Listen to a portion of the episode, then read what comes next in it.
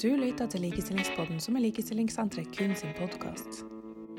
Dette er episode to i en serie av fire som handler om eldre og seksuell helse. Jeg er Linn Braseth Gulliksen, redaktør, og med meg i studio i dag så har jeg Siren Eriksen. Ja, da kan du starte med å presentere deg sjøl. Jeg heter Siren Eriksen. Jeg er fagsjef i demens og kognisjon i Nasjonalt senter for aldring og helse. Um, og professor i sykepleie ved Lovisenberg diakonale høgskole. Så det er titlene, for å få det på plass. Um, jeg jobber i aldring og helse med demensforskning og demens uh, ja, innenfor demensfeltet og aldringsfeltet primært. Um, jeg har vært opptatt av det, dette med seksualitet i forhold til personer med demens uh, over, en, over, noen år nå. Um, og begynte å bli opptatt av det fordi um, jeg erfarte at helsepersonell ofte tenker at seksualitet um, hos personer med demens er et problem. Og at det er så innmari vanskelig for oss som er helsepersonell. Eller at de rett og slett ikke tenker på at det er et tema, eller at det er et tema som hører sammen med demens. At seksualitet og demens er på en måte to uforenlige størrelser. Så ble jeg opptatt av å, å, sette fokus på seksualitet som et grunnleggende behov for alle mennesker, og også for personer med demens. Eh, og at, sånn at helsepersonell eh, kan eh, være oppmerksom på det.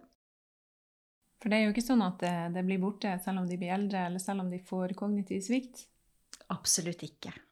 Jeg tenker jo at det er et grunnleggende behov, og at det, en, og at det kan være en, en god ressurs også for personer som har demens, eh, enten de er, eh, enten de er gamle eller unge.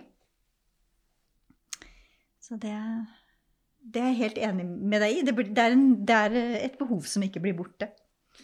Mm. Um, har du gjort deg noen, noen tanker om hvorfor det er så tabubelagt? For det må man vel kunne si at det er?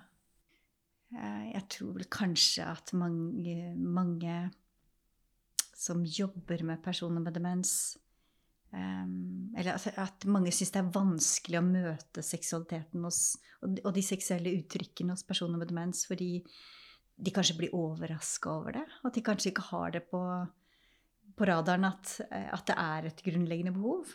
Um, bare det med, med, aldring og seksualitet er, et, er, jo et tema blant helsepersonell som er uh, Altså, det er jo tabu i seg selv. Og når personen i tillegg har en kognitiv svikt eller demens, så, så er, det, i hvert fall tabu. Så jeg tror, tror, ikke, tror kanskje ikke at helse- og omsorgspersonell eh, sånn, tenker så mye over at personer med demens eh, har seksuelle behov. Og når de da opplever seksuelle uttrykk, så blir de litt overraska og veit ikke helt hvordan de skal takle det. Um, og så er det nok kanskje noen sånne tanker om at, om at ja, de har en kognitiv sikt, så da veit de jo ikke hva som er best for seg sjøl, og da, da, må vi skåne dem og passe på dem og beskytte dem. I stedet for at man tenker at det faktisk kan være et, et behov og en ressurs. Mm. Um, så jeg tror det er en jeg tror det er litt mangel på kunnskap, kanskje. Ja. Mm. Eh, per i dag så har det vel ikke vært en del av utdanninga, dette med seksualitet innenfor aldring? Nei um... Men jeg, vet, jeg, har hørt at de holder på å utvikle det nå, men jeg vet, tror ikke det er ferdig. Jeg vet at Oslo Met jobber med det. Ja. Um, på um, Det med seksualitet generelt har jo vært veldig Nå, nå kjenner jeg sykepleierutdanningene. Yeah. Og det med med, med, seksualitet som grunnleggende behov, det er noe det i veldig liten grad er blitt snakka om. Da jeg begynte å jobbe som, som sykepleielærer i 2006, så husker jeg at jeg fikk studenter i, i, praksis som skulle sette kateter, og som ikke hadde hatt noe undervisning om uh, hvordan kjønnsorganene var bygd opp. For det var noe de skulle lese selv. Um, så, så, det med seksualitet er det overhodet ikke blitt undervist om.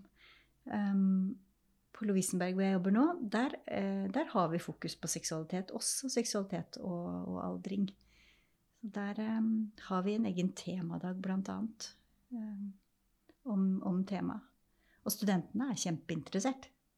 Så jeg tror det er, et, det, er, det er, liksom en sånn tematikk som presser seg litt fram, tror jeg. Ja. Ja. Um, da jeg var um, Før jeg begynte på sykepleierutdanningen, da jeg var 19 år, så begynte jeg å jobbe på et, på et sykehjem i den bygda som jeg kommer fra. Og der, der eh, var, kom det en dag en, en, en mann flyttende til det sykehjemmet eh, som hadde demens. Eh, og han uh, Det var en veldig stor overgang for han å flytte inn på sykehjem. Han var uh, ble veldig engstelig. Han var veldig lei seg. Han gråt mye, var fortvila og syntes det var en kjempestor overgang å flytte inn på sykehjemmet. Um, og han hadde um, det, var, det, ble bare en veldig brå overgang for han. Og så bodde det en, en, en dame som het Gudrun på sykehjemsavdelinga fra før. Og hun Det var litt sånn tak i Hun var en sånn dame med, som det var ganske mye tak i, eh, og som var vant til å være en omsorgsperson. Så hun, hun skjønte at, at, Arne da ikke hadde det noe bra, og at dette var vanskelig for han, så hun begynte å ta seg litt av han.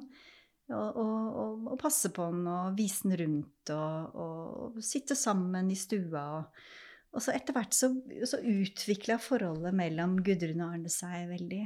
Um, og de, de spiste alle måltider sammen, de satt på stua sammen, de gikk til arrangementer sammen.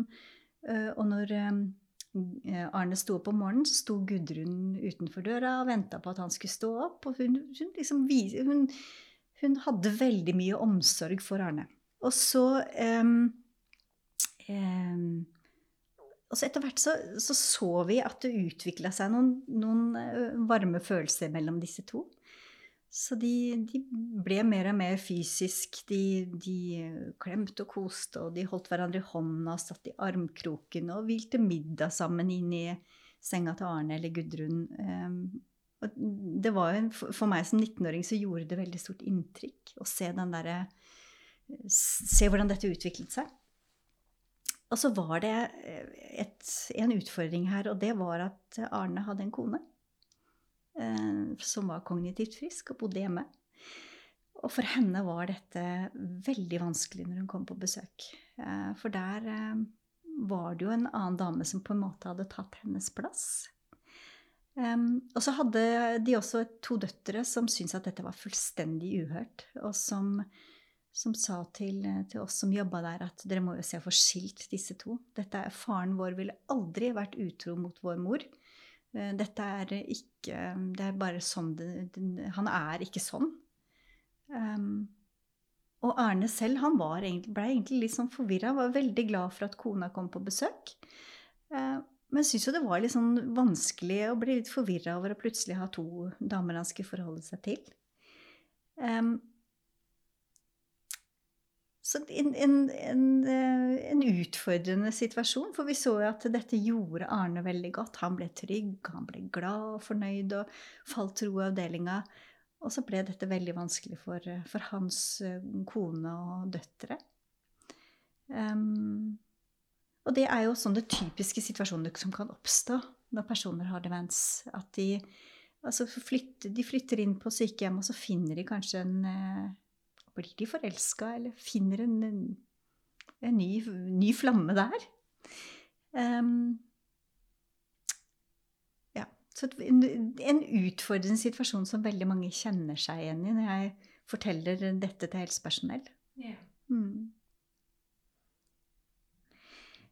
Um, og der er det jo sånn at helsepersonell må Hvis jeg skal si noe om hva man må gjøre, da, eller hva man skal gjøre i en sånn situasjon, som er veldig vanlig, så, så tenker jeg at det er jo noen ting med å, å, Jeg tenker jo ikke at Arne er utro, men jeg tenker at han eh, Og om han var det, så, så, var han det, på en måte. Men jeg, jeg tenker jo at han Eh, at forholdet til Gudrun ga han en ro og en trygghet og en fysisk nærhet som han trengte, og som var veldig viktig for han når han flytta på sykehjem.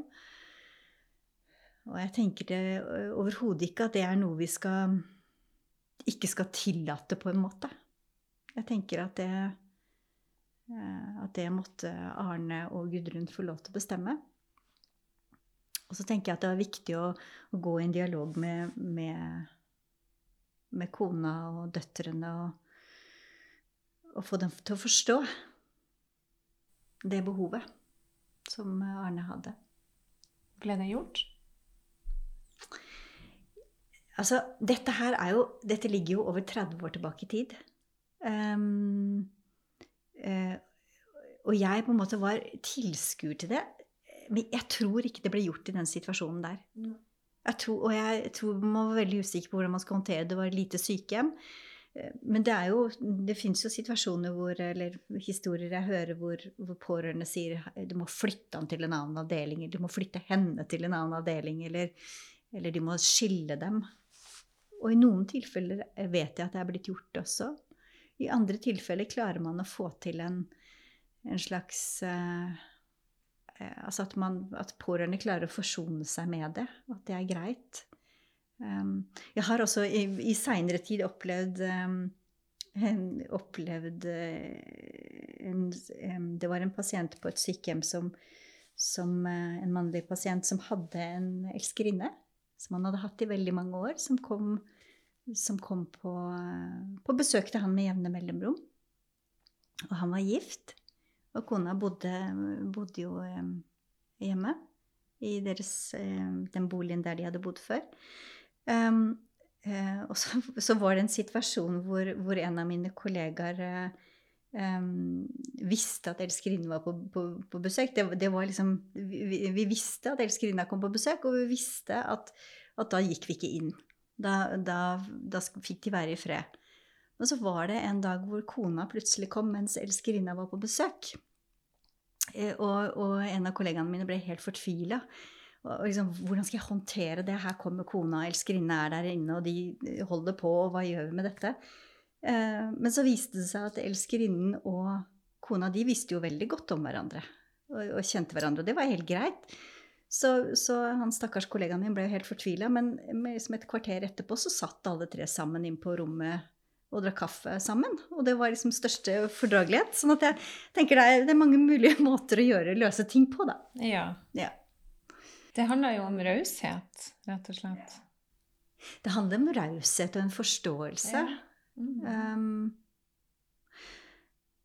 ja, jeg tenker det. Og, og, når jeg snakker om seksualitet um, og personer med demens og, og personer på sykehjem, så, så, tenker jeg jo veldig bredt om seksualitet. Altså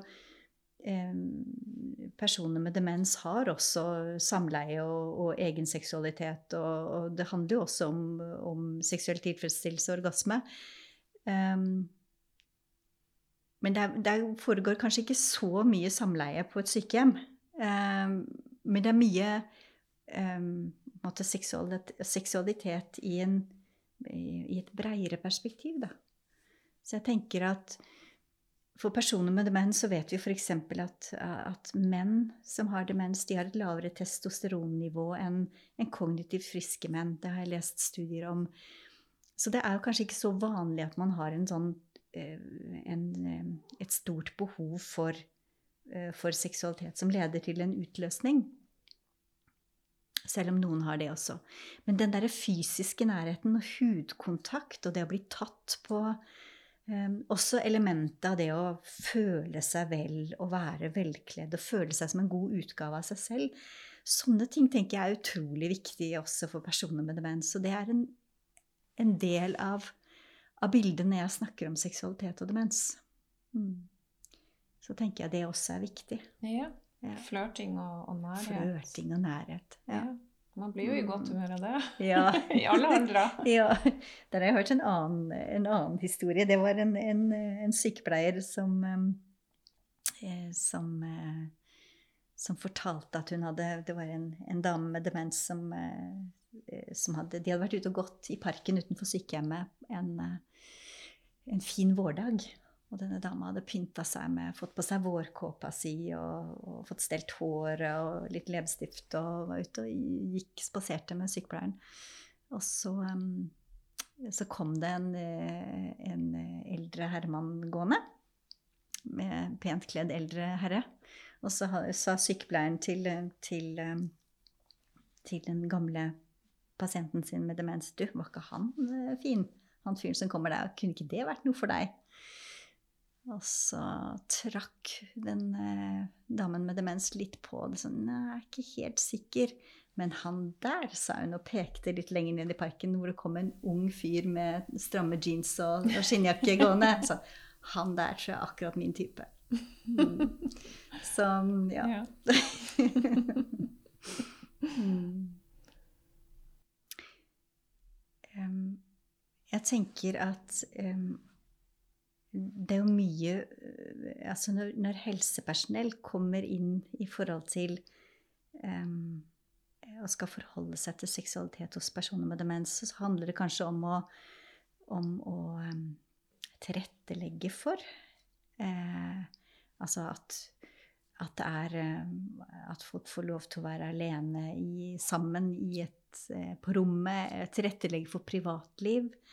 Um, tilrettelegge for at, eh, at eh, partner kanskje kan overnatte.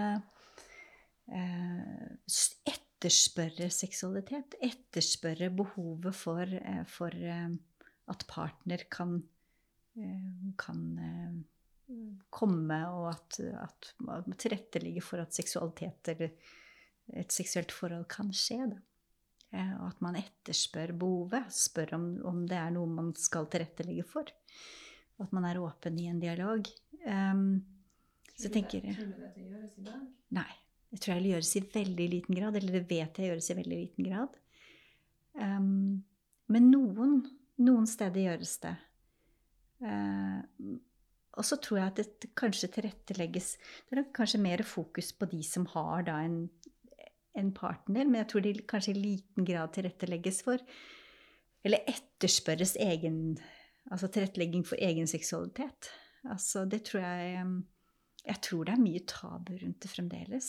Så jeg tror det handler litt om eh, at det er noen, uh, noen som, som, er bevisst blant helse- og omsorgsarbeidere, som er, som er bevisst tematikken, og som har det på radaren, rett og slett, om det blir gjort.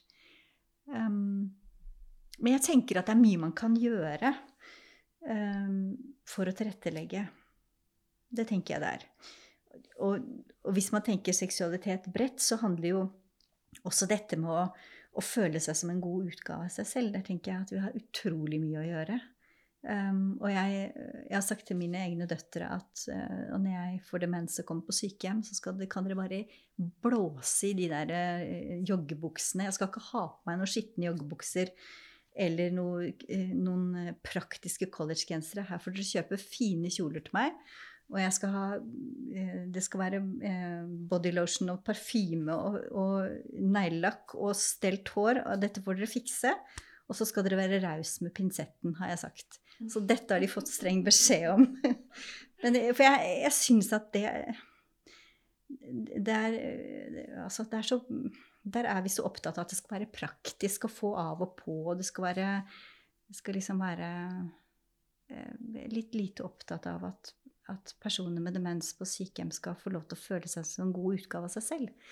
Og så kan det være omvendt også. Jeg har jo opplevd en, en pasient som, som, eh, som, på en måte aldri noen gang har brukt eh, neglelakk eller mm. sminke, som plutselig satt der med lange, røde klør, oh, ja. eh, og som sa at ja, det var en hyggelig helsefagarbeider på jobb i går, og hun hadde så lyst til å, å lakke neglene mine, så da ble det sånn. Så så det er jo noen ting med å tilpasse det den personen. Ja. ja. At de får det de ønsker, eller? Ja, at man vet noe om hvem personen er. Ja, ikke sant. At det er eh, Og det tenker jeg Vi snakker om personsentrert sykepleie, eller personsentrert omsorg innenfor, uh, innenfor demensomsorg. Og det, det må å kjenne til personen og hvem personen har vært, og hva som har vært viktig for personen, eller er viktig for personen. For det er jo vanskelig for mange personer med demens etter hvert at de, de klarer ikke å gi så mye uttrykk for hva som er viktig for dem. Og da er det jo viktig å ha en kjennskap til, eh, til hvem de er. Mm. Så, og det, jeg har hatt en diskusjon med, med, eh, med Mannen min må høre på alle disse tingene her. Men vi, vi, hatt en diskusjon med mannen min om det med å flytte på sykehjem. Hvor jeg har sagt at jeg skal ha disse fine kjolene. Eh, og han, eh, han sier at for meg så vil det være veldig viktig å ha en nystrøket skjorte hver dag. Eller for han er det veldig viktig. Og han har sagt at at det ville være enda mer viktig for meg hvis jeg skulle flytte på sykehjem og bo i kollektiv. Eh, og i tillegg ha en masse pårørende ut og inn som til de andre pasientene eller andre beboerne. Altså masse fremmede mennesker. Eller masse, mange mennesker som jeg ikke kjenner så godt. Så vil det være enda viktigere for meg å være barbert hver dag og ha på en nystrøken skjorte hver dag for at jeg skal føle meg vel. Um, så jeg uh, Ja. Det med sykehjem hvor man plutselig skal bo i kollektiv med en masse mennesker man ikke kjenner fra før, det er jo en, det er, det er, det er en tankevekker, det også. Ja. Mm.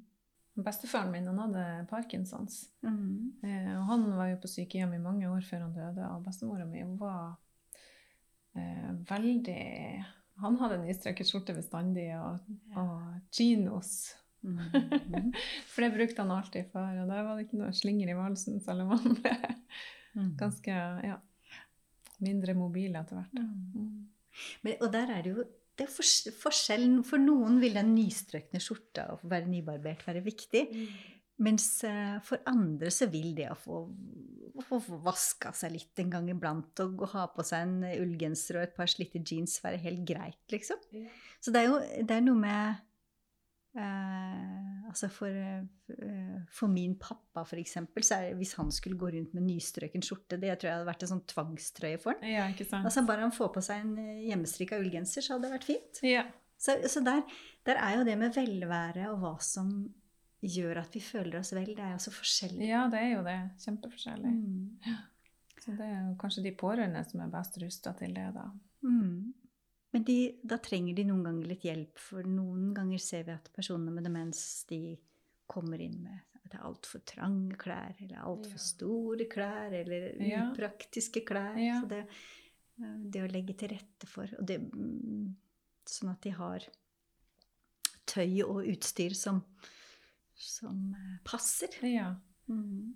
Det Tror du det foregår i dag, da? Altså tør pleierne å si fra om sånt? Ja, det tror jeg akkurat. Det, det tror jeg. Ja. At det er en dialog på. Ja. Um, og jeg tror, jeg tror på, Når jeg tenker meg om i forhold til uh, Det er mange um, på, på, på, de aller fleste sykehjem På rom på sykehjem så er det, det er jo egne toalettsaker, og, og det er um, det er neglelakk, og det er, det er krølltenger, og det er uh, Sminke. Ja, ja da. det er det nok. Mm. Um, men så er, det, så er, det, det i forhold til demens at det um, Det er jo en, en, sykdom som utvikler seg over tid. Mm. Så man går jo fra å få um, ha mild kognitiv sikt til, hvis sykdommen får utvikle seg, til å bli fullstendig pleietrengende. Um, det kan vel gå ganske fort noen ganger? Ja, det er veldig forskjellig. Eh, det går gjerne fortere hvis, eh, for yngre personer med demens. Ja. Um, så kommer det litt an på når i forløpet man får en diagnose. For veldig mange får diagnose veldig seint. Mm. Um, selv i dag. Um, så da kan det jo også gå fort at man kanskje egentlig har hatt kognitiv svikt og hatt demens lenge, men så får man diagnosen sent. Ja. Så, men det varierer veldig hvor, hvor, fort det går. Men demens er jo en dødelig diagnose. Mm. Så, så, eh, det er jo en sykdom man dør av. Jeg har en, en eh, jeg har en venninne som er noen og 80 år, og som har en mann som, som, som hadde demens, og som, som, døde for noen år siden. Og der, det var en utfordring mens han bodde hjemme, for han hadde en periode hvor han ble så Han var så eh, At han våknet hver eneste natt med ereksjon og ville ha samleie. Og hun, hun eh, var egentlig ikke så veldig innstilt på det. em, For hun var jo i en omsorgsrolle for han. eh, Og på en måte opplevde at, at det var vanskelig å ha seksuell, en seksuell relasjon til han. Og så var det slitsomt å våkne hver eneste natt når du er noen og 80 år. Og, um, og han, han holdt på med det over lengre tid, at han hver eneste natt våknet med ereksjon, ville ha samleie, men forsto ikke hvordan han skulle klare å gjennomføre et samleie. Så det ble en sånn runddans hver natt hvor hun på en måte måtte eh, avvise, og hvor han ble frustrert. Uh, Og eh, ja, Så en veldig vanskelig situasjon. Og det endte med at de fikk hver sin seng. I stedet for å ligge i dobbeltseng som de da hadde gjort i eh, de 50 årene de hadde bodd sammen, så, så endte de opp med for en periode å ha hver sin seng. Og det gjorde at han fikk sove gjennom natta, Ja. og at hun fikk sove gjennom natta. ja. Så det, det, er, det er liksom noen praktiske løsninger som skal til. Mm. Mm. Eh, Hva med um, sånn seksuelle hjelpemidler? Er det noe alternativ? Ja, eksisterer det i dag på pleiehjem? Kan det være et alternativ? Jeg vet jo at de har det i Danmark. Mm. Jeg, tror at det er veldig lite av det på Mm. sykehjem nå.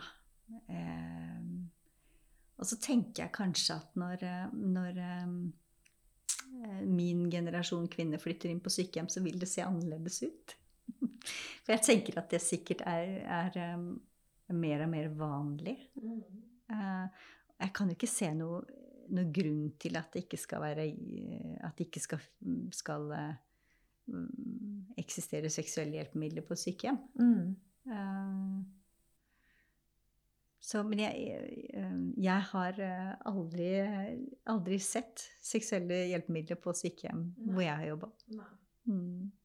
Det å være eh, kognitivt frisk partner, Mm. ektefelle, til en person som får demens, det er jo eh, Det kan være veldig krevende.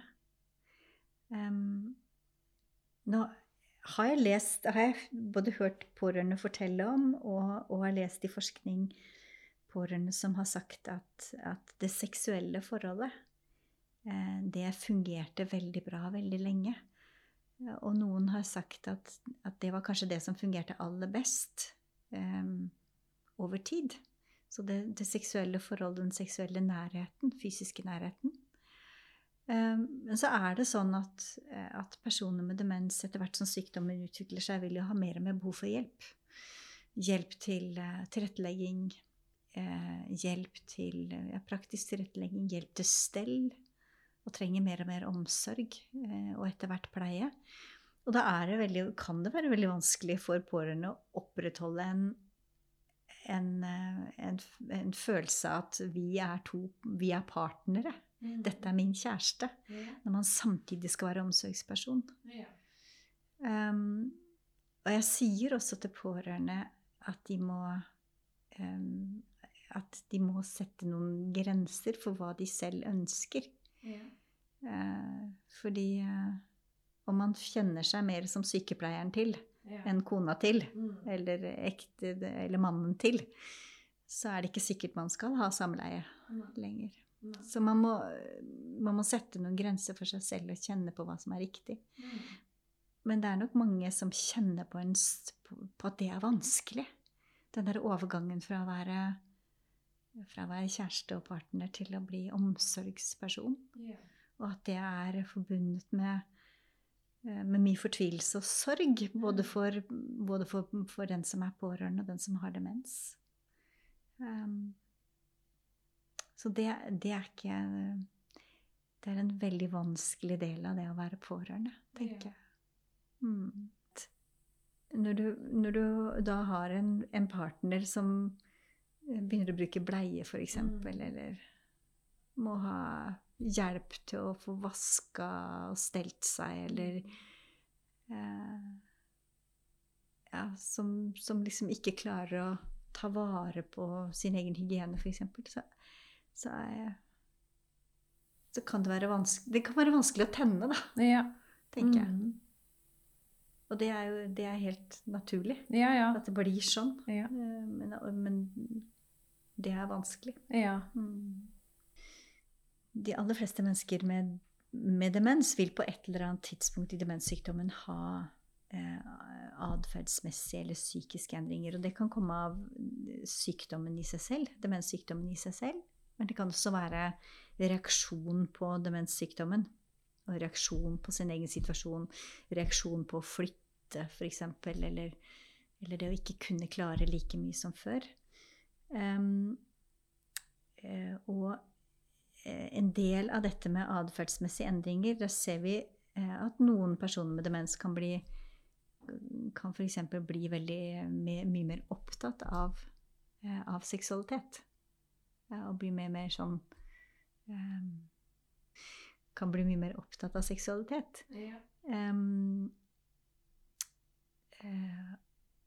og det henger jo i stor grad sammen med det å ha en frontotemporal skade, eller en frontotemporal påvirkning. At det kan bli mye mer fokus på seksualitet.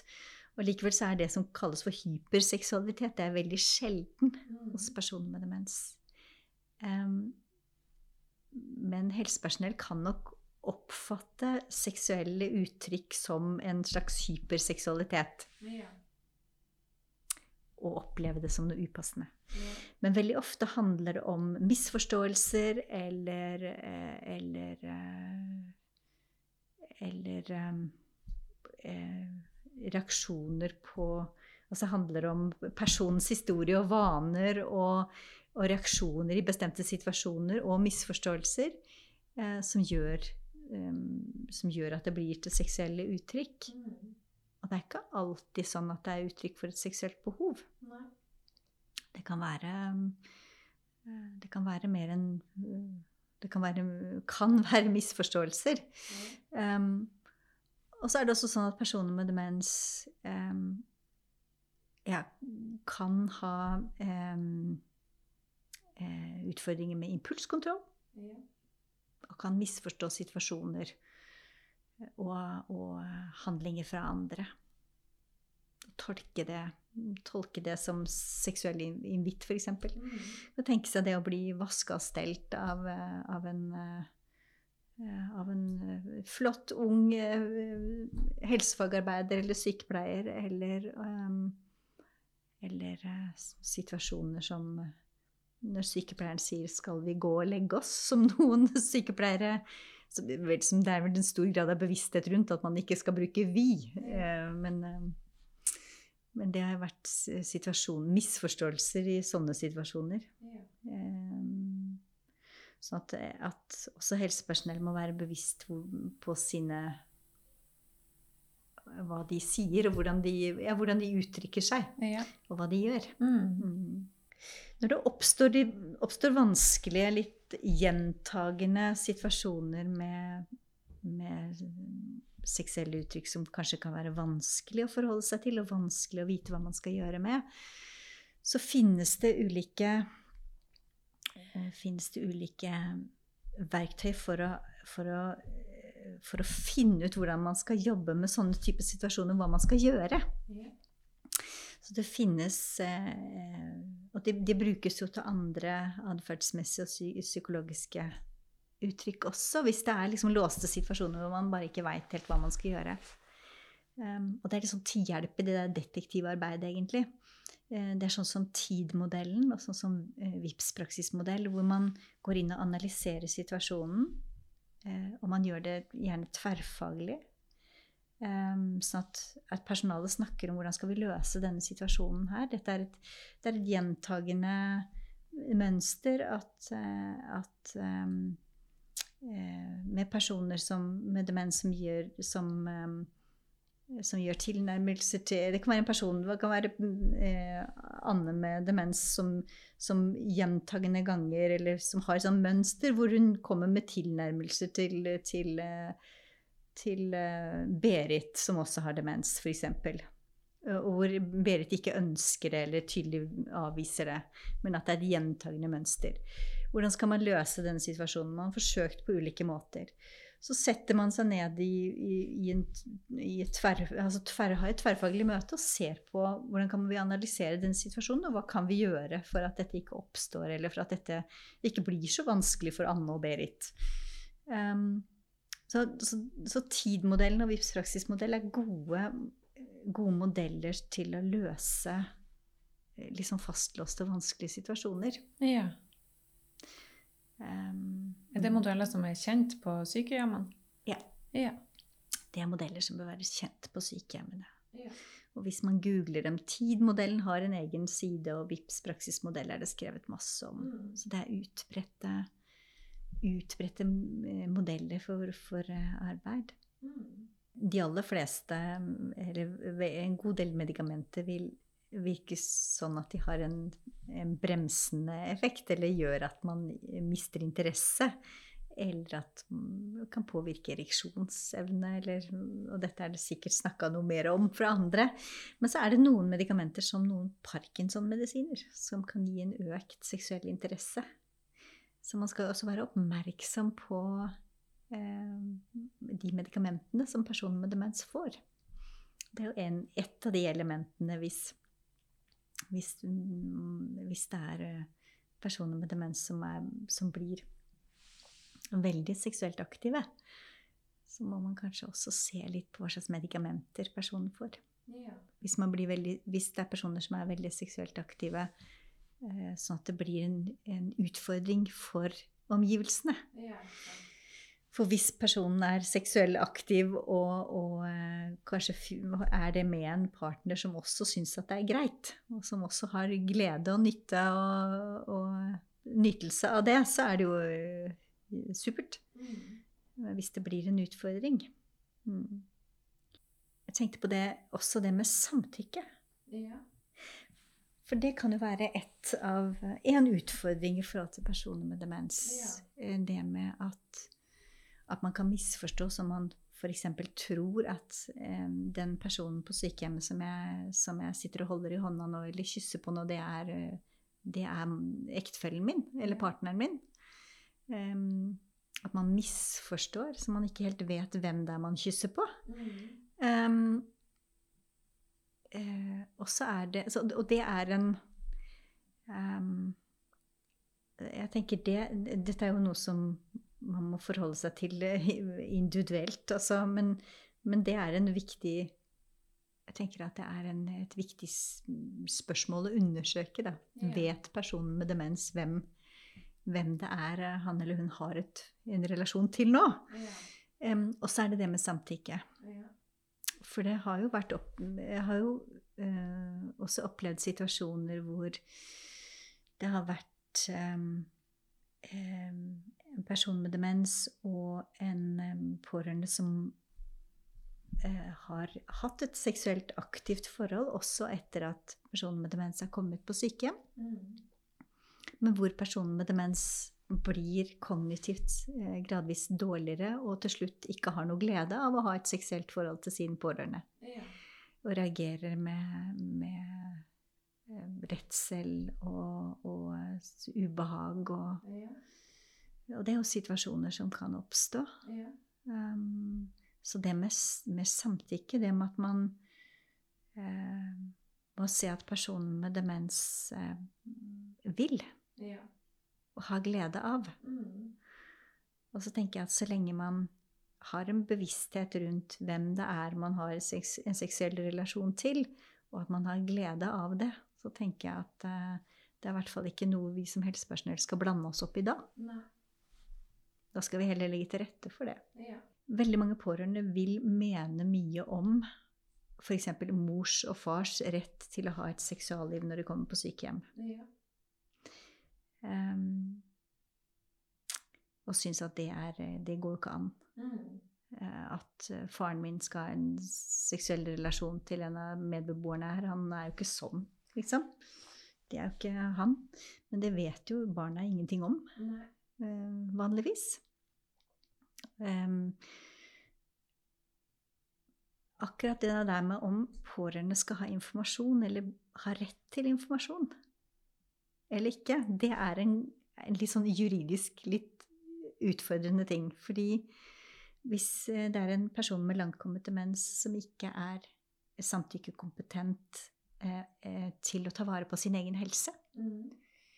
eh, og har eh, f.eks. en sønn eller datter som, som eh, som sin nærmeste pårørende og verge, um, så kan um, nærmeste pårørende ha rett til informasjon hvis et seksuelt forhold som personen med demens har, påvirker helsa. Ja. For pårørende her kan ha rett til informasjon, eh, ha rett til informasjon om helse og helsehjelp og helsetilrettelegging. Så det, akkurat det der er litt vanskelig Det er et litt vanskelig landskap Ja. mm, i forhold til seksuell helse. ja, det skjønner jeg. Mm. For det er jo samtidig litt privat. Mm. Og samtidig så, så, så tenker jeg at, um, at barn um, i utgangspunktet ikke skal ha så mye informasjon om foreldrenes seksualliv.